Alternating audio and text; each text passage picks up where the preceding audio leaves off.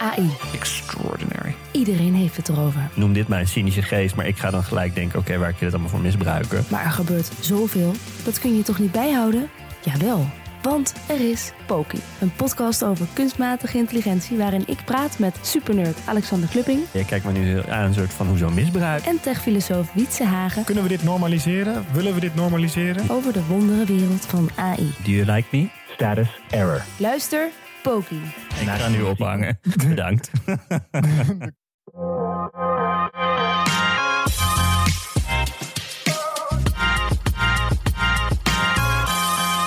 Je luistert naar De Lange Termijn. Wan, we hebben weer zin in. Ja, zeker. We hebben weer eh, leuke dingen te bespreken, zie ik vandaag. Ja, weer een lekkere volle agenda. Volle agenda. We hebben ook een vol glasje whisky weer. Ja, welke is het? Nou ja, het is een eh, bekende whisky. Het is de WD Whisky van Mark. Hij moet toch op. Je, je drinkt niet snel genoeg waardoor je er elke keer weer over hebt. Ja, ik bewaar hem netjes altijd voor deze, voor deze podcast ook. Want het, het voelt toch een beetje als het, de, de whisky van de show.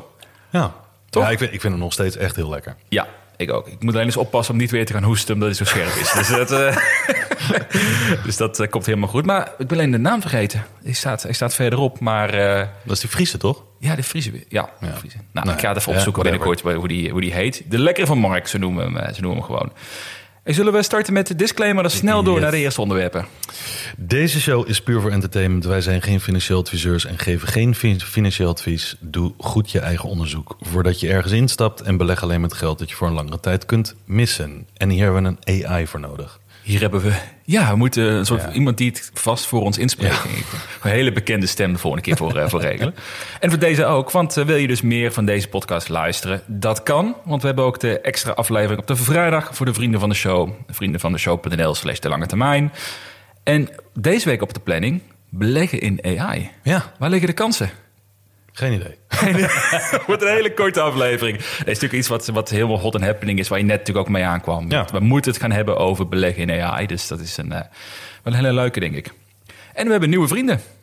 Ja, leuk man. Thijs en Johan. Ja, welkom Thijs en Johan bij de show. En eh, wat ook trouwens heel leuk is, wat ik het vergeten te zeggen, is je kunt nu dus reageren op Spotify. In de mobiele app kun je dus reageren op onze afleveringen. Oh ja. Dus je kunt een comment achterlaten wat je leuk vond, wat je wil horen. eh, of je een, eh, een van onze beslissingen lachwekkend vindt. Mag ook. ik kan me niet voorstellen. Maar, maar dat kan dus via de Spotify-app. Dus eh, nou ja, laat weten als je een reactie hebt. En dan gaan we snel door. Portfolio-update. Deze keer vergeet ik hem niet. Mooi. Begin jij dan? Nee, jij mag beginnen. ik, ik heb al de introductie gedaan. Nee, ik sta nog steeds op eh 25%. Net zoals vorige week. Lekker stabiele factor ook. hè? Ja, joh, het, het lijkt wel een stablecoin. Is, eh, het blijft lekker bent- hangen. ja. Nou, dat is, eh, ik vind het wel grappig. Niet, Eh, we hadden aan het begin van het jaar schets ik een scenario dat ik zei van mijn meest pijnlijke scenario zou zijn dat het omhoog gaat en dan daar blijft hangen. Ja. Want dan moet ik duurder kopen. En dan sta ik al op winst, maar dan moet ik duurder kopen. is lekker voor je portfolio, maar niet voor je aankopen. En dat is precies wat er nu aan het gebeuren is. Begin van het jaar gestegen, nu een beetje choppy. En hij blijft lekker op 25% hangen. Maar ja, ik ben, niet, ben er niet eentje van klagen. Nee, ik wil zeggen, dat eh, doe mij de 25% Ja, maar hoor. daarom. Dat eh, lijkt me geen eh, punt. Heb je nog leuke dingen gedaan met je portfolio? Ja, ik heb een nieuwe positie geopend. Oh, ja? In eh Bed, Bath and Beyond. Ah ja, daar heb het heel vaak over gehad natuurlijk. En in, en in AI. C3, wat is het? Nee, Ehm, ik heb s- vandaag, dus we nemen dit op eh, woensdag op. Ik heb eh, een positie geopend in de eh, semiconductor ETF van iShares. En dat moet ik even uitleggen, want ik ben niet echt een groot fan om heel veel posities toe te voegen. Eigenlijk vond ik mijn portfolio al prima. Ehm, maar ik wilde toch wat meer exposures in, eh, exposure in halfgeleiders. Ehm, en met name omdat ik denk dat in alles zitten, zitten chips. Eh, gaat me in de toekomst minder van dat soort dingen krijgen eh, of meer? Ik denk meer. We gaan technologisch vooruit. De hele AI-war zal ook betekenen dat iedereen gaat scramblen voor ehm, ehm, rekenkracht. ja. Dus, hè, en, en er zullen ook heel veel apparaten en dergelijke toepassingen zijn die we nu nog niet kennen, die, AI, of die AI, die ehm, chips gebruiken. Zoals bijvoorbeeld slimme koelkast heb je natuurlijk nu al, maar dat gaat allemaal steeds verder. Hè, van alles, van je, van je elektrische eh, auto tot aan je oortelefoontjes, de telefoons, laptops, weet ik veel wat allemaal. Eh, step voor mijn, eh, voor mijn dochter die eh, automatisch rijdt. Nee, Smart step. Smart step. Nee, maar dus dat soort dingen. Dus ik denk dat er steeds meer toepassingen komen en dus ook steeds meer vraag naar chips. En dan hoor ik mensen al denken van, oh leuk dat je vandaag bent ingestapt. Had je dat dan niet vorig jaar kunnen doen? Want dan ben je lekker laat bij de show. Ehm, ja, dat kan. Maar ik leef niet in vorig jaar. Dus ik wilde gewoon een positie openen. En ik ga, net zoals altijd, in de komende 10 maanden dat uitbreiden. Dus eh, vandaag eerst positie geopend. Ik heb nu 0,5% van mijn portfolio zit daar dus in. Ehm, en ik ga dat uitbouwen naar 5%. En ik had daarbij de keuze, eh, want je hebt een aantal ETF's. Want sommige mensen, die daar heb ik ook over gehoord. Vorige, vorige week eh, had ik met iemand erover en die zei van... joh, waarom beleg je dan niet gewoon in de grootste namen... zoals eh, weet je wel, ASML, eh, Nvidia. Wilde ik je ook vragen inderdaad. Waarom je kiest nu voor de ETF? Ja, ik heb geen idee wie ik moet kiezen. Ja, Eh, omdat er zoveel zijn. En eh, nou ja, zoveel. Ik vind tien al veel. Sommige mensen zijn helemaal fan van het een en totaal niet fan van het ander. Ik ben daar niet slim genoeg voor om in die sector daar een onderscheid in te kunnen maken. Dus dan koop ik in dit geval een ETF. Dat doe ik dus met heel veel dingen waar ik gewoon de sector wil kopen. Maar ik had twee keuzes. Of je hebt drie ETF's. Goede ETF's, wat mij betreft, in de halfgeleider eh, sector. Eentje van HPC, maar die is niet overal beschikbaar. Vond ik ook niet heel interessant. En dan heb je er eentje van iShares en je hebt er eentje van Van Eck. Ja. Van Eck is volgens mij voor heel veel mensen de meest populaire. Ehm, maar ik heb gekozen voor die van iShares, omdat het grote verschil ertussen is. Ze hebben allebei dezelfde lopende kosten, 0,35% per jaar. Eh, maar het grote verschil is dat Van Eck heeft 25 posities in die ETF zitten. Dus echt alle grote namen. Is ook hoofdzakelijk gericht op de eh, aandelen die in Amerika genoteerd zijn. Die grote jongens. Ehm, en de iShares ETF voor de halfgeleiders heeft eh, ongeveer 250 posities. En die is verspreid ook over andere landen. Dus ook de kleintjes, de small caps bijvoorbeeld. En nou ja, goed, eh, gaan de grote nog meer market share pakken ten koste van de kleintjes? Dat kan, weet ik niet, dan heb ik de verkeerde gekozen. Maar dan nog heb ik natuurlijk ook die grote namen erin. Die hebben ook een grote weging erin, dus dat is ook prima. Maar ik wilde gewoon breed gespreid zijn erin naar de toekomst. Dus eh, in dit geval eh, de ticker eh SEMI, dus SEMI, van iShares. Dus dat. Die heb ik bij de Giro gekocht. Ja, ik kan me voorstellen in dit geval, het is ook ten eerste inderdaad heel moeilijk om te bepalen wat de winnaars kan worden, Mm. denk ik, binnen semiconductors. Maar wat mij ook opvalt, het zijn, als je individueel naar ze kijkt, zijn het over het algemeen best wel dure aandelen. Ja. Ik schrok me kapot toen ik zag gisteren wat ASML bijvoorbeeld Ja. relatief gewaardeerd is. Ik bedoel, een fantastisch bedrijf. Maar je betaalt er ook flink voor. Nou, Nvidia ook. Ja, hetzelfde, ja. Dan vind ik die keuze wat je maakt om dan naar een ETF te gaan... om wel die exposure in die eh, categorie te krijgen... vind ik dan een hele logische meteen. Ja, en die ETF heeft natuurlijk ook gewoon zijn, eh, zijn ups en downs gehad. Of zijn down en up in dit geval. Want hij bestaat, die iShares ETF. Maar ja, dat geldt ook voor de Van Eck ETF. Eh, die hebben in 2022 meer dan 30% daling gehad. Hebben nu inmiddels al 25% goed gemaakt. Ja. Dus ja, dan kan je denken van, ah, dan is hij nog steeds te duur. Hè? Want het gewicht van al die dingen die erin liggen zijn ook eh, redelijk hoog. Of de waarderingen van de posities die erin zitten. Maar ja, met een ETF vind ik dat toch makkelijker. Ja, Gewoon ja. langzaam inschalen. Dat, eh, nou, dan koop ik een mandje. Je bent minder nitpicky op de Ja. waarderingen van een specifieke aandeel. Ja, klopt. daarom. klopt Inderdaad, ja. Nee, Dus eh, verstandig. dat is mijn nieuwe positie. Nou, eindelijk weer een nieuwe positie erbij. Ja, lekker. Dat is, eh, hoe voelt dat? Nee, ik ben, over het algemeen ben ik niet zo heel happig op nieuwe posities. Dus Nee. ik, heb dit- ik heb hier heel lang over getwijfeld. Dus eh, ja, we gaan het zien. En jij, hoe is het met jouw portfolio? Nou, ik heb zelf... Alles eh, verkocht. ik ben volledig in value aandelen in Coca-Cola gaan zitten. Dat, nee, ik heb, ehm, ik heb wel een klein plukje Coinbase heb ik verkocht. En dat was een combinatie mee dat, het dat de positie best wel groot geworden was. Iets van 18 of 20 procent van het portfolio. En er is nu best wel veel onduidelijk hè, over crypto. Er zijn nu horingen ook over hoe, de, hoe het zit met de veiligheid van crypto... en hoe Ja. het gereguleerd wordt in Amerika. Nou, Coinbase heeft wel laten doorschemeren dat zij niet gecommitteerd zijn aan Amerika. Dat ze ook eventueel naar eh, Engeland zouden willen Ja. overstappen met een bureau... of met een hoofdkantoor. Dus er speelt gewoon heel veel. Dat was voor mij een reden om te denken, nou, super interessante positie. Maar moet ik dan nu 20% erin zitten? Of kan ik een deel van het geld gebruiken voor andere posities die ik Ja. nog wil opschalen? Dus dat heb ik gedaan, een kleine positie verkocht. Was meteen eh, de low van de dag. Dus het was weer een fantastisch moment. eh, Joh, joh. verrassend dit. Ehm, ja, en verder ben ik gewoon mijn standaard posities aan het uitbreiden. Eh, Origin uitbreiden, Planet Labs ben ik nu een beetje aan het uitbreiden. Heb je Dus trouwens dat, die eh, Coinbase positie dan, dat plukje wat je hebt verkocht, stond die op winst? Nee, nee, nee, zonder verlies. Ja. Maar niet veel verlies, toch? Want je gemiddelde aankoopkoers lag niet zoveel hoger dan wat, waar die nu op staat. wel? Nee, gemiddelde aankoopkoers is mij 80 dollar en ik heb verkocht nu dus een plukje maar op 65. Ah. Het is nog steeds wel flink lager, maar ik ben wel van de bedoeling als het weer blijft dalen en de positie wordt relatief kleiner, kan ik ook weer eens bijkopen. Dus Ja. het is meer even een tijdelijke herallocatie. Ehm, en leuk is, maar daar ga ik het einde van de aflevering over hebben. Ik heb mijn eh, strategie rond. Ja. Ik heb de laatste weken een beetje lopen eh, met, met eh, hoe noem je dat? Broodkruimels in deze aflevering over gehad. Dat ik het lezen ben over 100 baggers en de Ja, ja, ja. strategie bepalen ben. Die is rond, dus dat ga ik jullie straks vertellen wat dat, hoe benieuwd. dat eruit gaat zien. Na heel veel jaren leren, oefenen, fouten maken is dit de Deaf Mr. Done strategy. Ja. En hoeveel, hoeveel eh, rendement zijn je nu?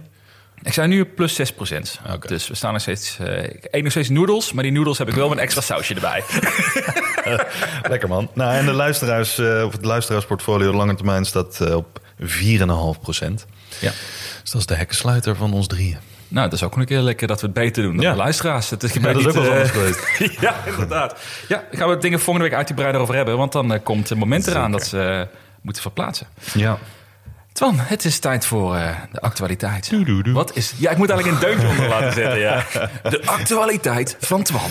Oh, de Twan OS. Ehm, nee, ja, de actualiteiten. De, de, hè, er speelt natuurlijk een hele hoop weer in de markt, maar eh, veel is ruis. Eh, wat mij wel opviel, we, hebben het er de hele tijd over dat ook voor ons voelt het natuurlijk de markt een beetje, ja, dan weer koud, dan weer warm. Eh, het is een beetje choppy, zoals veel mensen zeggen. Het gaat op en neer.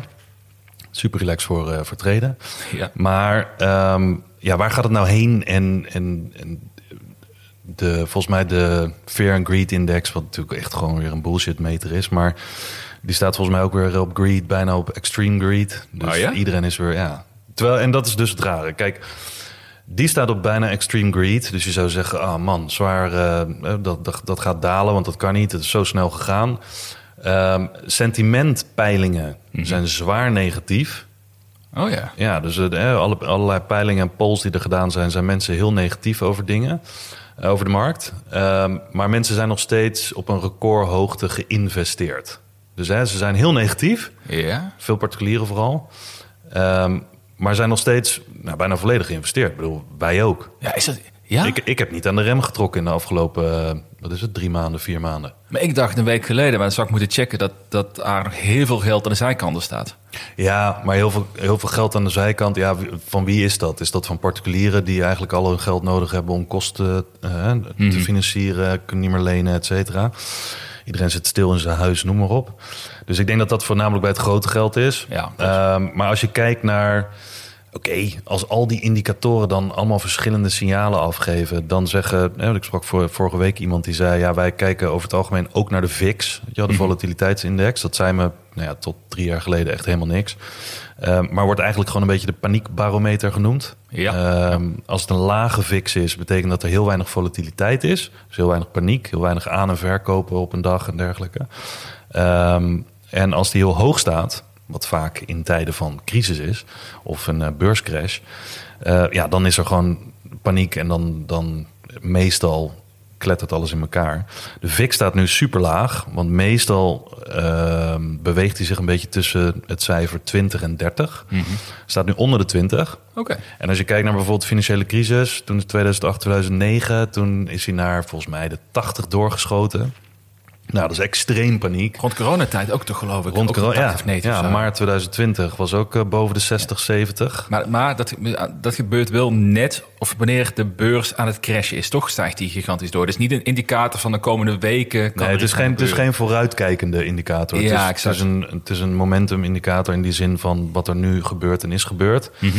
Ehm, maar die staat dus nu heel laag. En over het algemeen, en dat maakt mij dus een beetje huiverig soms. Over het algemeen, en dat zie je nu ook op Twitter heel veel mensen naar buiten brengen. Betekent een lage VIX in een stijgende of relatief sma- hè, mild stijgende markt. Niemand is in paniek, gaat allemaal lekker, blijf gewoon een beetje doorstijgen, niks aan de hand. Dus alsof de markt super rustig is. Ja. Alleen, ja, weet je, er hoeft maar iets te gebeuren en dat ding spijkt omhoog. Dus dat kan je nooit voorzien. Maar al die dingen die erbij betrokken worden, zoals de VIX in dit geval, en als je daarop op, nou ja, kapot staart, dan zou je denken, lekker, gooi al mijn geld erin, dit gaat alleen maar omhoog. Ehm, niemand is in paniek. Er is nog geen reden tot paniek. Maar dan word ik altijd een beetje huiverig. Niet dat ik daardoor mijn strategie verander, maar ik hou het altijd een beetje in de gaten. En dan denk ik, oké, ik ben benieuwd wat er gebeurt. Want Mhm.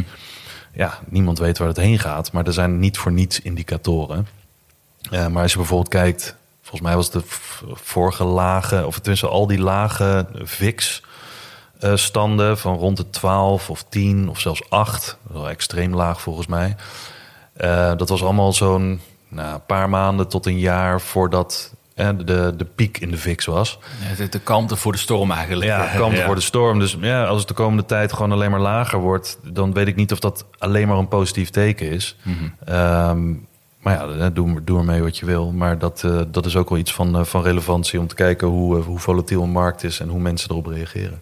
Ja. ja, ik vind het wel nog steeds, maar ik weet niet of we het de vorige keer erover hadden, maar een gekke periode. Ja, Het is inderdaad, wat- je zegt, je hebt heel verschillende indicatoren. Ik zou ook niet weten, als je mij nu vraagt, ben je nu bearish of bullish over de komende maanden? medium. Ja, echt medium. Ja, ik, ik, ik, ik, heb geen gevoel links of rechtsom. Ik vind het heel, eh, heel gek eigenlijk. Ik ook niet. En daar kan ik ook niks op baseren eigenlijk. Ik blijf gewoon, hè, waar we het vorige keer ook over hadden, blijf gewoon lekker mijn strategie doen. Jij ook. Ehm, geen rare handremacties, geen rare eh, FOMO-acties of wat dan ook. Ja, gewoon een beetje het gemiddelde. Misschien is het wel lekker trouwens. Want dit zijn misschien wel dan de periodes waar je juist rustig kan kijken naar je portfolio. Ja. Wat wil je opbouwen, wat wil je niet hebben. Omdat dat er ik- zo weinig emotie bij speelt. Ja, vind ik een goeie. Dus dat is, misschien een hele fijne periode juist Ja. voor beleggers op dit moment. Als je aan het eh, nou, bedenken bent wat je wil. Ja, als je een beetje de dagelijkse ruis uitzet, dan, eh, dan kan je voor jezelf, en dat is toch echt weinig signaal. Over het algemeen, er gebeurt wel wat, maar niet, niet alles is even belangrijk. Maar dan kan je inderdaad voor jezelf bepalen van oké, ik ga eens wat scenario's schrijven. Of ik ga mijn portfolio's even onder de loep leggen. Ik ga eens even wat plannen maken voor als er dit gebeurt en als er dat gebeurt. Ja. Ja. ik bedoel, het hoeft niet alleen met, met aan- of verkopen te zijn, maar ook met je inkomen bijvoorbeeld. Of weet ik veel wat. Ja, goeie. Dus dat is een goede periode ervoor. En verder had ik nog iets, eh, daar stond Twitter helemaal bol mee, maar ook alle kranten. Ehm, dat Apple in de VS, Ja. die zijn natuurlijk een tijdje geleden, volgens mij was het 2019, zijn ze voor het eerst in de payments gegaan eh, met de Apple Card. En iedereen heeft natuurlijk, hè, als je een iPhone hebt zoals ik, ik, ik, ik heb nooit meer een bankpasje bij me. Dat staat allemaal in mijn, in mijn iPhone. Ehm, maar toen hadden ze in 2019 hadden ze die Apple Card eh, gelanceerd, dus echt een creditcard. eh, waarbij je dus ook in het ecosysteem van Apple gewoon letterlijk al je uitgaven en dergelijke kan bijhouden. Ze hebben nu ook sinds van de week hebben ze een spaarrekening eh, geopend, of tenminste beschikbaar gesteld, met 4,15% rente. In samenwerking met Gol- Goldman Sachs. Maar dat is ook fors meer dan wat er nu verder eh, bij banken gegeven wordt in Amerika. Ja, ja nou, en dat is dus ook een beetje waar mensen ja, niet, eh, en niet euforisch of huiverig over zijn, maar meer gewoon dat mensen hun, eh, een beetje fronzen van oké, als zij daarin gaan, wat is dan het addertje onder het, onder het gras? Nou ja, over het algemeen denk ik omdat ze met Goldman Sachs samenwerken, dat gewoon jouw gestorte geld bij Apple, hè, dus alsof het een bankrekening is. Eh, want ze hebben geen banklicentie in die zin. Dus daarom moeten ze het met Goldman Sachs doen. Maar die stoppen dat gewoon in een money market fund. En de rentes zijn nu heel hoog. Dus ja, weet je wat iedereen eigenlijk zelf ook al doet? Ja, ja, precies. Vooral in Amerika. Als eh, de rente op eh, staatsobligaties eh 4 tot 5 procent is, ja, waarom zou je het dan nog op de bankrekening houden? Daarom lopen al die banken leeg. Maar Apple heeft dus nu precies op dit moment aangekondigd dat ze dat ook gaan doen. En ik denk dat ze dat doen omdat ze, nou ja, allereerst denk ik dat de hele filosofie van Apple is dat ze alles in hun eigen ecosysteem willen houden. Ja, zeker. Ze weten al je health data al. Eh, ze weten je gedrag, zeg maar, op eh, wat, je, wat je doet met je iPhone, je MacBook. Alles zit in hetzelfde ecosysteem, je iPad. Ze weten wat je kinderen doen, noem maar, op. Weet je, de- als je dat allemaal eh, openstelt. Ehm, en ze weten dus ook wat je koopt. Nou, dan in dit geval krijg je 4,15% eh, rente op spaargeld. Dus mensen storten daar dat geld dan. Maar ze hebben ook een krediet eh, wat ze beschikbaar stellen. Ook volgens mij in samenwerking met, ehm, met Goldman Sachs. En daar is die Apple Card aan eh, gelinkt. Ja, als jij al jouw geldverkeer in je Apple devices houdt... dan is het dus ook heel makkelijk om bijvoorbeeld eh, te gaan rood staan. Ja, daar noemen ze dat anders. Of eh, creditcards te financieren eh, ermee of te gebruiken. Daar betaal je wel 23% rente op. Dus dat hele ecosysteem... 23% Ja, rente? Volgens mij 23% staat creditcardrente nu op. Dus en dan heb je ook nog eh, eh, honderdduizenden fees als je te laat betaalt. Als je dat een keer niet doet. Als je drie maanden een, een, een payment notice eh, mist. Nou ja, dan, En mensen met komen nooit zijn waarom die Amerikanen al zoveel schulden zitten ook. Ja, en creditcardschulden zijn er nu bijna eh 1 biljoen, volgens Jezus, mij. ja. Dus en dat is flink aan het stijgen. Dus ja, de- Apple wil winst maken. Dus dat, dat gaat hun natuurlijk een hoop opleveren. Dus in die zin denk ik dat het een goede move is voor hun. Maar ik denk ook, niet specifiek voor Apple, maar dit is natuurlijk wel de trend. eh, banken die technologischer worden of technologiespelers die banken worden. Maar denk, denk je dat, dat Apple fintech-ambities heeft? Nou, dat denk ik wel. Ja. Ik denk dat het super interessant voor elke partij is om al het betalingsverkeer en het gedrag daarin te kunnen eh, meten. En gewoon over die data te beschikken. Weet je wel, data is gewoon in die zin nieuwe olie of nieuwe goud. En ehm, ja, natuurlijk, dat is hartstikke interessant. En Goldman Sachs eh, profiteert hier natuurlijk ook van. Maar ik verwacht ook wel, ik weet niet hoe... De, hoe in, kijk, ze moeten natuurlijk aan enorm veel extra wetten en regulering voldoen, willen ze een banklicentie krijgen. Want dan krijg je echt hele andere, met andere dingen te maken. Maar ja, Apple is Apple, dus dat zullen ze ook wel voor elkaar krijgen. Dus misschien wordt het wel gewoon een, eh, ja, gewoon een fintech eh, eh, speler. Naast alle andere dingen die ze doen dan. Hè? Ja, nee, maar ik vind het interessant. Want de vorige keer hadden het over dat eh, Twitter bezig is om de soort... eh, Mhm. de, de, de, hoe noem je dat? De, de all-in-app? De, Ja, nou, ik ben ja de all-in-one app, zeg maar, de, de super app. De super, super app, dat is de term die ik zocht Ja. te maken. En dat we- waar we aan het speculeren, dat zij ook aan het kijken zijn, kunnen zij een fintech-speler Ja. overnemen om ook die, die betalingsverkeer te kunnen gaan ownen. Dus het is wel interessant. Dus hier Ja. daar Twitter mee van plan is. Misschien is Apple zou ook zo'n super app kunnen bouwen. Daar hebben natuurlijk ook het hele ecosysteem ervoor. Ja, is en eh, ze, kijken natuurlijk ook naar WeChat bijvoorbeeld. Ja, ja, ja dat is het Je, je voorbeeld weet wat je bestelt, je weet waar je incheckt met OV, je weet, je weet alles. Je weet allerlei bewegingen van mensen en al hun gedrag. Maar het enige wat me dan ook een klein beetje zorgen baart, of het is, eh, daar ben ik wel een beetje voorzichtig mee om hier euforisch over te zijn, is wat als één zo'n speler al je data heeft. Mhm. En ook je gezondheidsdata. Ja. Weet je wel, ik bedoel, vanuit je gezondheidsdata blijkt, geen idee hoe ze dat doen of, of wat dan ook, maar je kan al voorzien. Ja, je hebt altijd een hoge hartslag, hoge bloeddruk, je sport nooit, want je zit nooit in de sportapp, weet ik veel wat. Ehm, je koopt bepaalde dingen zoals sigaretten, alcohol, noem het maar op. En als straks er ook nog bij wijze van spreken in een verre toekomst ook nog verzekeringen aangekoppeld worden. Ja, als jij zo'n ongezonde levensstijl hebt, dan ga je meer voor je verzekering betalen. Noem Ja, maar op. Weet je, want al die data exact. is beschikbaar. Dus waarom zouden ze dat niet doen? Dus dat is een heel interessant model. En ze rollen dat, dit natuurlijk stapje voor stapje uit.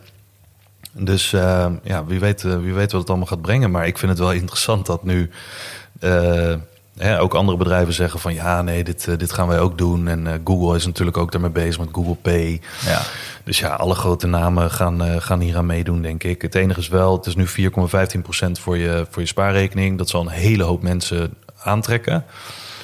Mochten de rentes gaan verlagen, dan zijn natuurlijk de money market funds zijn de eerste die ook verlaagd worden, want die zijn heel dynamisch. Ja. Die passen zich aan aan de rente op dat moment. Dus stel dat die rente dan omlaag gaat, dan heb je dus weer minder verschil tussen je rente op je bankrekening en de rente bij zo'n fintech-speler. Dus, eh, maar dat gaan we zien. Nou, heel interessant. Ik ben benieuwd waar het heen gaat. Ja, Maar weer een eh, mooie. ja. klein ander dingetje nog, eh, de Giro. Ja? Eh, we hadden natuurlijk een tijdje geleden hadden we het over Bux, die zijn tarieven ging verhogen en iedereen was in rep en roer. Of tenminste, veel mensen waren in rep en roer. Ja. Over voor- voornamelijk de 3 euro abonnementskosten per maand. Eh, omdat je dan technisch niet meer gratis kon beleggen. Bij de Giro is het altijd het stokpaardje geweest dat je gratis in de kernselectie kan beleggen. Als je één keer per maand bijvoorbeeld 100 euro investeert in een indexfonds of een ETF. Ehm, maar die gaan nu per 15 april, 15 april, 15 mei ook hun tarieven veranderen. Waaronder eh, dat ze 1 euro gaan rekenen voor ook de kernselectie. Dus dit, daar betaal je nu 0 euro voor, wordt dan 1 euro. Dus je betaalt helemaal niks en nu een heel klein beetje. Ja, nu een heel klein beetje. Ja, ja. Nee, dus mensen waren er ook weer, eh, die gingen dan, ah, dan ga ik toch terug naar de Rabobank, of dan ga ik toch dit en dat. En ik moet eraan denken, wat we een paar weken geleden zeiden, dat iemand had gereageerd. Ik betaal in België nog steeds 15 euro of 6 Zo, euro. ja.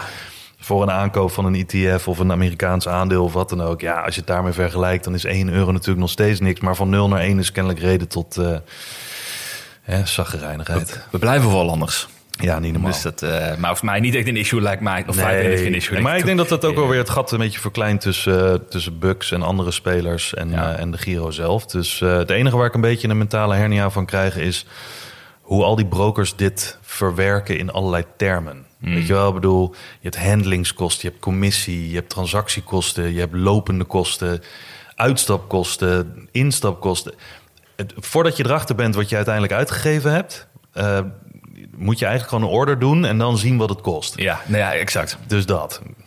Dus, maar ja, goed. Misschien Dus, is dat een de markt. Gewoon een broker die van tevoren zegt hoeveel je echt betaalt. In plaats van dat alles nou dat, van onderaan de streep, dit soort voorbeeld, heb, heb je dit. Maar goed, dat staat dan verderop wel. Dat hebben ze ook wel uitgerekend. En er zijn natuurlijk genoeg mensen die er nu over schrijven. Maar, eh, dus dat gaat veranderen.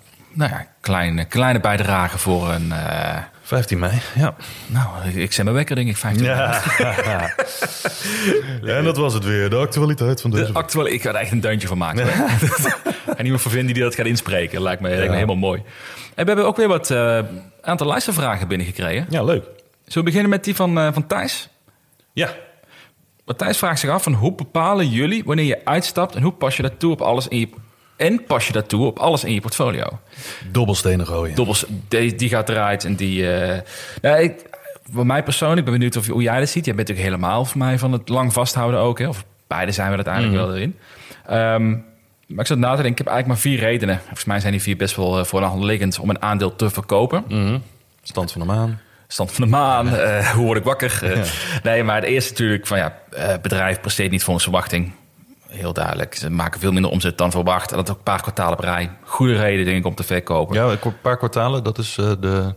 Nou ja, dat is, dat, dat is wel een goede nuance. Nou kijk, het is, het, het is natuurlijk heel makkelijk om per kwartaal te kijken naar wat doen ze en lopen ze op schema of niet. Ja. Maar ik denk dat dat te wispelturig is om op, op een kwartaalbasis te kijken. Ja. Ik denk zelfs als je het wil doen, kijk op jaarbasis Ja. op zijn minst. Ja, precies. Ja. Anders, eh, nou, je kan, eh, dingen kunnen heel snel veranderen natuurlijk. Eh, tweede reden is, ehm, als de waardering van het aandeel veel hoger is opgelopen dan wat je het realistisch waard vindt. Mhm. Het mag best 10, 20 procent duurder zijn dan wat je er zo voor zou willen betalen. Maar is het, wordt de Shopify zo meteen, is dat 100 miljard waard? Nou, dan zal jij waarschijnlijk ook denken, nou, gaan een beetje skimmen Ja. van mijn, eh, van mijn Ja, ik zou het dan niet misschien helemaal verkopen, maar... Nee, misschien een beetje Nee, deels ja. inderdaad. Ja, exact, exact. Dat is misschien meer als je deels Ja. gaat, gaat bijstellen. Dat is een goede. Een derde hele goede. eh, er is een betere investering beschikbaar. Ja. Ook een hele logische, maar iets denk ik wat we te weinig doen. Denk ik, te veel vast blijven houden aan de posities die je hebt. Ja, zeker. En dat weer uitbouwen en uitbouwen, terwijl je ook moet kijken naar wat er... eh, nou, het kan ook beter zijn. Daar was, daar ga ik zo meteen nog over hebben trouwens. Eh, en het vierde is eh, ook heel simpel eigenlijk dat een aandeel... Ik verkoop die pas als ik zie dat de allocatie in het portfolio gewoon te groot wordt. Ik heb laatst bijvoorbeeld Desktop Metal stond op 40% van het Ja. portfolio. Voor een hoge vertuiging in, maar 40% is gewoon te veel. Dus een beetje naar beneden bijgesteld. Jij doet dat vanaf 5% of zo toch? Boven de 5?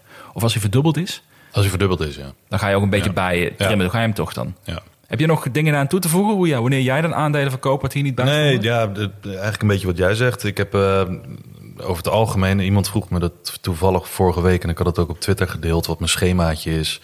voor instappen en uitstappen of extra bijleggen en extra uitschalen. Eh, over het algemeen dat verkopen, wat, eh, wat Thijs vraagt, wanneer je uitstapt... helemaal uitstappen heb ik al een keer gedaan. Van mijn dividend-ETF naar de wereld-ETF. Eh, dat is als gewoon mijn strategie of mijn thesis verandert. Mijn doel verandert daarvoor. Dan stap ik helemaal uit en stap ik ergens helemaal anders op in. En dat heeft niks mee te maken of hij het goed heeft gedaan of slecht heeft gedaan. Dat is gewoon omdat mijn plan wijzigt. Dat doe ik over het algemeen, nou ja, weet ik veel, één keer in de vijf jaar misschien een keer. Ehm, dan heb ik wat zoals jij hebt met Red Flags bijvoorbeeld. Eh, kan van alles zijn. Dat hangt van, van het bedrijf af, hangt van de ETF af, hangt van weet ik veel wat af. Ehm, dan stap ik meestal helemaal uit. Mhm. Dus dan, ja, als, als ik die overtuiging niet meer heb, omdat Ja, er bepaalde exact. alerts afgaan, waarom zou ik dan nog een beetje houden?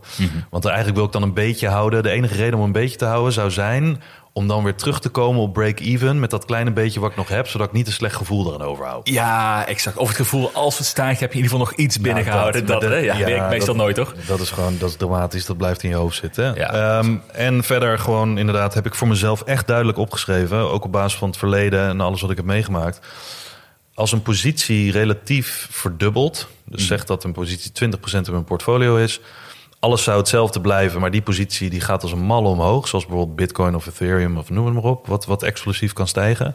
En die verdubbelt, dan breng ik dat weer terug naar de originele allocatie. Dus Ja, in dit ja. geval van 20 naar 40 procent breng ik het weer terug naar 20 procent. Dus, eh, en dat doe ik niet graag, want ja, soms stijgt het dan nog door. Maar dat is gewoon voor mezelf, ik dat opgeschreven, op basis van die allocaties. Ja, ik, ga- ik ga er slechter van slapen als het eh, te lang, te hoog en te groot in mijn portfolio is. Klinkt ook vreselijk, man. Als je succes hebt, dat je je geld moet pakken. Ja, maar en, en het geeft... Dat je winst moet pakken.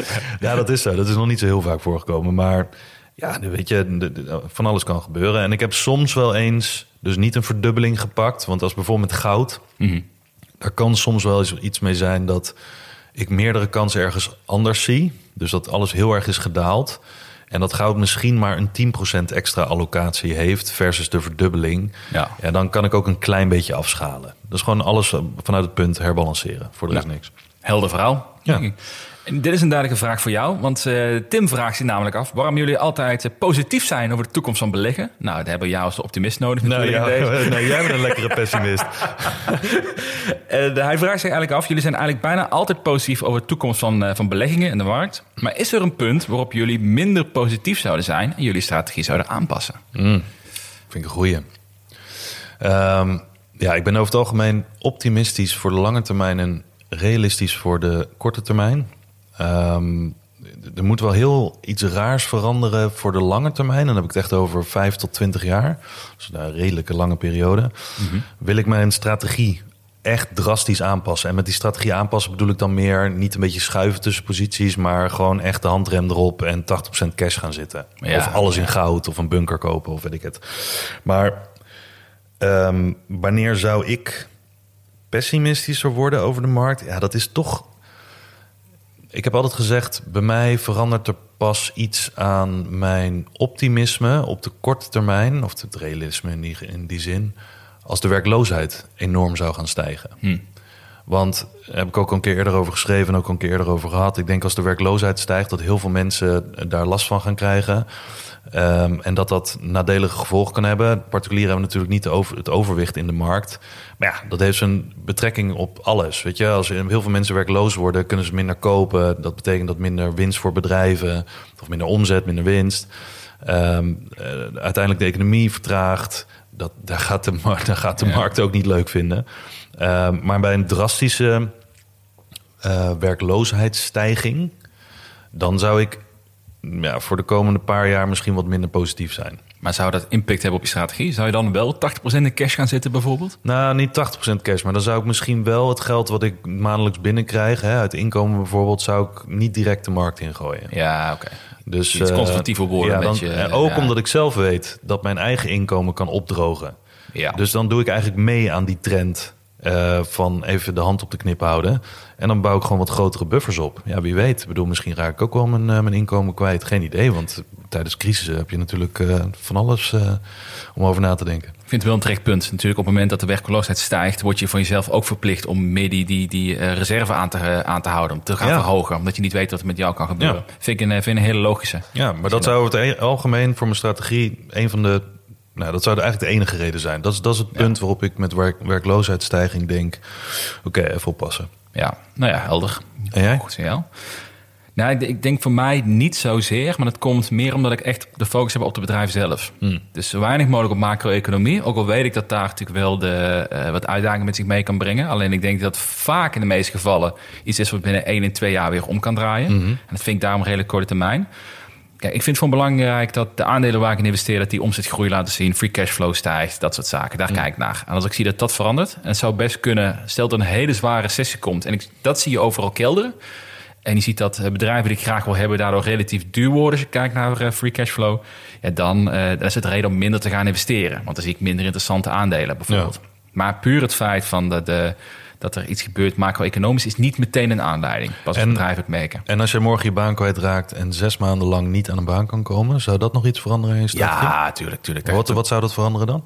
Nou, dan zou ik heel weinig kunnen gaan beleggen de komende, komende maanden. Ik zit nu volledig, praktisch volledig geïnvesteerd. Ja, maar zou je dan, heb je dat wel eens voor jezelf uitgedacht wat je dan doet? Hou je dan de dingen die je hebt en leg je gewoon niet meer bij voor een periode? Ja, Of dat dan dingen gaan verkopen? Nee, ik weet, ik weet, ik heb uitgerekend, ik weet wat ik maandelijks nodig heb aan inkomen om mijn dingen te kunnen blijven doen.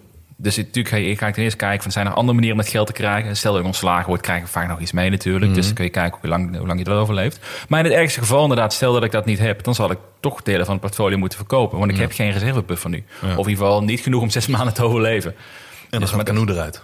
Dan eh, zou dat zou best wel kunnen.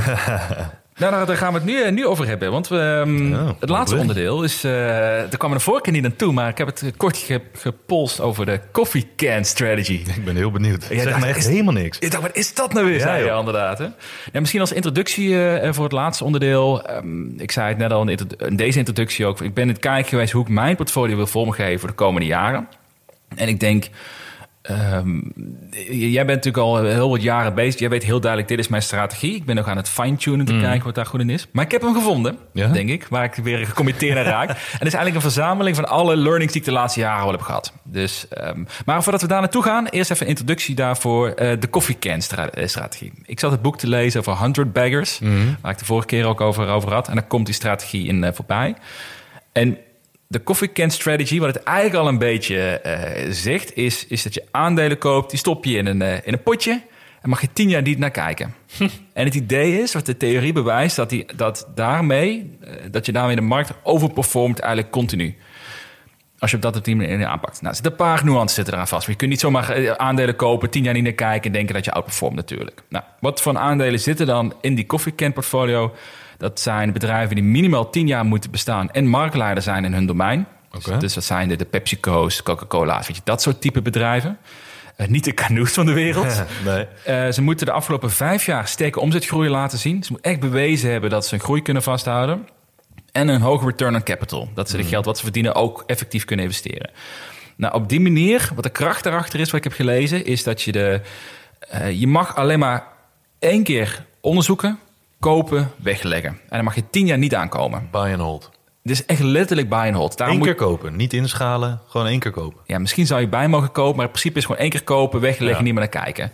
Het idee erachter is, is dat je de beslissing om te verkopen volledig elimineert van je strategie. Want je mag niet verkopen. Nee. Dus je bent ook niet geneigd om de koers in de gaten te houden of te veel te lezen erover. Je hebt gekocht, deal with it. Dat is het idee erachter. Mm. En het, het verkopen is vaak de grootste uitdaging waardoor mensen rendement laten liggen. Ja. Dus dat is een beetje ook de reden waarom het vaak zo goed, eh, zo goed doet. Je mag alleen verkopen als het bedrijf wordt overgenomen. Want dat brengt weer een nieuwe Ja. situatie met zich mee. Dat, eh, dat kan wel. En wat bij mij heel erg aanspreekt erin... is dat je... eh, omdat je dus de focus niet hebt op verkopen en niet hebt op de koers... is dat je veel beter onderzoek gaat doen bij voorbaat welke bedrijf je wil hebben. En, en ook met het onderzoek kijk je ook... die ga ik tien jaar houden, ja, Ja. of nee. En dat is een heel, daar ga je heel anders onderzoeken dan... ik vind dit nu een vet aandeel. Snap wat ik bedoel? Ja, en de gemiddelde eh, periode om eh, aandelen te houden is nu vijf maanden. Ja, vijf maanden. Dus het is wel Ja. significant Wel langer dan... eh, ja, zeker een uitdaging. Maar dan ga je wel heel anders kijken. Want Ja. nu bijvoorbeeld koop je... Of in mijn geval koop misschien een groeiaandeel... wat ik super interessant vind. Waar ik een week naar heb gekeken. Maar als je tegen mij zegt... die moet je tien jaar aanhouden. Tien jaar mag je niet verkopen. Maak je waarschijnlijk hele andere beslissingen. Maar dus dat is interessant. Alleen niet voor mij. Want mijn aandelen kan ik niet tien jaar vasthouden... en niet naar kijken. Op dit moment. Nee, de nou, aandelen die je nu hebt. ja, niet met mijn strategie, Nee. zeg maar. Want die moet je echt blijven kijken. Dus toen kwam ik een tweede strategie tegen. En dat noemen ze dan, of dat noemt iemand, de conviction investing strategie. Spreekt een beetje voor zich. Dus dat je dus een zeer geconcentreerd portfolio aanhoudt. Met aandelen van jij verwacht dat je echt de markt significant kan outperformen. Er zitten ook wel weer een paar uitdagingen natuurlijk aan, aan vast. Dat betekent dat je uitgebreide kennis moet opbouwen over die bedrijven. Je moet ook continu onder de loep nemen, wil ik ze nog houden of niet. Dus daar moet je wel continu beslissingen maken. Dat maakt het lastiger, denk ik ook in die zin. En je maakt eigenlijk continu de afweging. De aandelen die je hebt, zijn dat de beste keuzes die je op dit moment beschikbaar hebt om te outperformen? Klinkt bijna als een open deur wat iedereen zou moeten doen. Eigenlijk wel, maar ik denk niet dat heel veel mensen daar zo Nee. over nadenken. Nee. Eh, want ik denk heel veel, want dit is eigenlijk, ze zeggen ook, ja, buy and hold in de zin van je, je koopt iets voor de langere termijn, maar het is een soort zelfregulerend lange termijn portfolio. Als het bedrijf het goed blijft doen, management executeert, de waardering stijgt, maar ook blijft het, blijft het aandeel gewoon in je portfolio zitten en het groeit en het groeit en het groeit. Bedrijven die het niet doen, die teleurstellen kwartaal na kwartaal, die snijden eruit. Ja. En wat ik heel interessant daarin vind, is dat je dan op termijn automatisch een heel geconcentreerd portfolio krijgt met je best performers. Maar die laat je zitten. En de zwakkere broeders snij je eruit. Dus dat vond ik een, ehm, een interessante. Stond, er, stond er dan ook nog iets bij van met hoeveel aandelen dat dan is? Niet specifiek, maar ja, je moet, heel, je moet heel goed weten wat ieder aandeel en ieder bedrijf doet. Dus dat kunnen er gewoon niet te veel zijn. Nee. Dus ik denk, eh, als je Meer dat- dan tien zal dat niet zijn dan. Nee, nee. Ik denk dat dit model. Ik denk de meeste houden zich van max 20 aan, geloof ik. Hè? Dus ik denk dat dit max 20 zal zijn. Maar dat vind ik te veel. ik kan echt niet veel, ja. 20 bedrijven bijhouden. Zou ik zelf nooit kunnen bijhouden. En er stond een hele mooie opmerking erbij, vond ik. Want hij zei van, eh, eh, als je die twee portfolio's hebt, de Coffee Can en die Conviction Investing dan, moet ik eigenlijk iets Nederlandse naam voor verzinnen wat minder tof klinkt. Welke strategie denk je wat Warren Buffett aanhoudt? Ehm, eh, conviction. Ja, Ja. Terwijl, maar ik denk als je het heel veel mensen zou vragen, wat is, is het meer een koffiecan, een belegger of een conviction? Ik denk dat heel veel mensen stiekem toch zeggen, nee, het is een koffiecan. Want hij is kopen, buy and hold, uh, houden voor a lifetime, dat verhaal. Maar hij verkoopt ieder kwartaal echt een aantal posities 100%. Hè? Ja, precies, daarom. En nou, en, dat, ja. Maar het klinkt een beetje alsof conviction investing eigenlijk in de basis gewoon het lange termijn investeren moet zijn om de markt te outperformen. En niet als je ETF's meeneemt. Ja. Um, wat het eigenlijk gewoon in de basis is. Ja. ja ik bedoel, het klinkt allemaal super als een open deur. Uh, snij je verliezers weg op basis van red flags en uh, omzetdaling, weet ik veel wat, terwijl de rest van de concurrenten het allemaal goed doet. Dan snap ik ook dat, dat Warren Buffett dit doet. Want ja, dat is gewoon wat, wat hij doet. Heeft hij er geen overtuiging meer in, ziet hij bepaalde metrics uh, naar beneden gaan, dan schroomt hij niet om te verkopen. Ja, exact. Volgens mij heeft hij ook heel wat banken heeft hij van, van de hand gedaan in de afgelopen tijd. Ja, dat is nou niet echt buy and hold, want hij had volgens mij, ik weet niet wat het was, Bank of America of een van de andere. Die had hij pas net. En die heeft, die heeft hij met verlies van de hand voor een deel van de hand gedaan. Ja, maar zeker. Maar wat ik mooi vond, hij heeft ook een bank waar hij al 25 jaar in zat. Die ook verkocht heeft. Mm. En dat, dat vind ik dus bij deze strategie. Het zijn heel veel open deuren, maar wat voor mij het verschil maakte, is dat deze strategie heel duidelijk aangeeft: je moet heel kritisch blijven op je, op je posities. En je mag verkopen als ze minder presteren dan wat je zou verwachten. En mijn hoofd staat heel erg van lange termijn beleggen is drie, vijf jaar de kans geven om te executeren. Maar ik denk dat dat een, een, een misvatting is geweest in mijn ah, strategie. Zo. Ik denk dat je moet ze niet eindeloos kansen geven. Daar staat in, je moet het verdienen om lange termijn in je portfolio te mogen zitten. Dus dat vond ik een hele interessante andere manier van denken. En die me ook denken aan de opmerking die hij vorige week maakte. Van, eigenlijk moet je gaan redeneren. Je hebt, als je een nieuwe positie wil openen, ja. niet erbij, maar er is een positie van die gaat ten koste van een bestaande. Ja. Dus concluderend, die heb ik meegenomen in mijn eindportfolio-strategie. En wat het is geworden. Ik hoop dat die trommelgeroffel ja. horen was uh, thuis.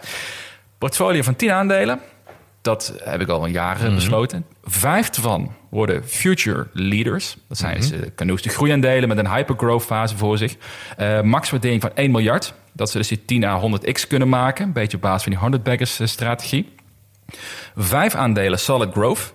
Dat zijn aandelen die moeten, uh, die eigenlijk bedrijven die veel geld verdienen en heel effectief zijn om dat geld uit te geven. Zoals Google? Zoals Google, ja, inderdaad. En daar ligt de focus dan uh, op uh, stijgende omzet, hoge free cash flow en hoge return on invested capital. Mm Het geld dat ze krijgen, wat doen ze ermee?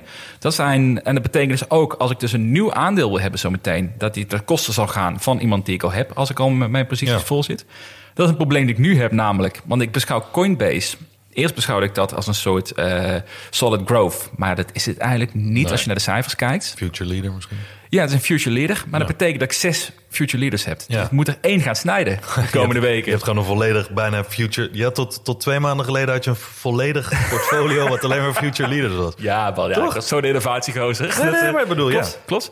Nee, exact. Dus, dus, daar ga, dus ik moet de komende weken nu... omdat ik deze strategie heb besloten... moet ik dus één van die zes posities laten gaan. Weet je al welke? Uh, nee. Nee, nog niet. Heb je, je, hebt geen enkel idee welke? Ja, ik heb wel, ik heb wel voorkeuren. Alleen ik, moet, ik wil daar nu ook even iets met ja, nee, tuurlijk. cijfermatig naar kijken... in plaats van op gevoel tuurlijk. iets gaan doen. Tuurlijk. Uh, maar dat betekent ook de volgende aankopen worden dus allemaal solid growth bedrijven die ik moet hebben. Hmm. En nieuwe future leaders gaan dus in plaats van een bestaande. En een solid growth binnen jouw portfolio zou wel zijn in dezelfde innovatie. Het is allemaal, allemaal technologie. Allemaal technologie. Ja, ja. ja, want dat het gewoon de mijn is waar ik uh, ja, wil blijven zitten. Dat is een, dat is een goede. Okay. Dus, uh, dus dat gaan we nu, nu doen. Dus ook mijn, mijn uh, dividendtracker heb ik ook aangepast. Future Leaders of Solid Growth. En jullie gaan de volgende keren horen welke van de zes de, benieuwd de voice of de beleggers hebben verloren. Die uit de ronde worden geknikkerd. Kanoe. teasers komen later. Het is, uh, het is dat eigenlijk. Leuk. Dat is mijn deel. Wel interessant hè, als je, zo'n, uh, als je even de tijd hebt om uh, dingen onder de loep te nemen... en wat langer ergens naar te kijken dan alleen maar een uurtje van je dag. Ja, ja en daar waar we het begin over hadden. Dit ja. is denk ik wel de beste tijd, omdat het sentiment ook. zo neutraal is. Dus, dan hebben we denk ik nog... Um, zijn we redelijk aan het einde. Ja. Vriend van de show aflevering gaan we opnemen. Daar gaan we het hebben over beleggen in AI. Waar liggen de mhm. kansen? Dus het worden waarschijnlijk alle hype-aandelen die we kunnen vinden... die we gaan uh, bespreken erin. 10 minuten lang alleen maar 60 namen opdrukken. die moet je hebben, die moet je hebben. Short op die. Dus dat, dat wordt een leuke, leuke extra aflevering. Ja, en als je een toffe, als je een toffe podcast vindt, eh, nou, laat een score achter op Spotify. iTunes, reviews zijn daar hartstikke welkom. We hebben al heel veel leuke reviews binnengekregen. We zijn Geer en Goor, was ik ook eh in iTunes. Daar kwam iemand mee, ja. Is leuk. Geer en Goor van de, van de investeringswereld. ja, nou ja, die, die kan van onze bucketlist. En Ik ben alleen wel dus, benieuwd eh, wie... Sorry. Nee, sorry, wat wil je zeggen? Ja, ik ben benieuwd wie dan Geer is en wie Goor is. Ja, dat laten we maar even in het midden, denk ik. Eh, de- en je kunt dus ook een reactie achterlaten op deze aflevering als je beluistert via Spotify-app. Ja. Ook superleuk. Ja. Heb je nog afsluitende woorden? Nee, ik moet eigenlijk een catchphrase hebben voor aan het einde, maar die heb ik nog niet. Een catchphrase. Ja, Gaan we die zo verzinnen. ja gaan we doen. Maar voor, maar voor nu dan, eh, dankjewel allemaal voor, voor het luisteren. En, eh, Tot volgende week. Zo'n catchphrase.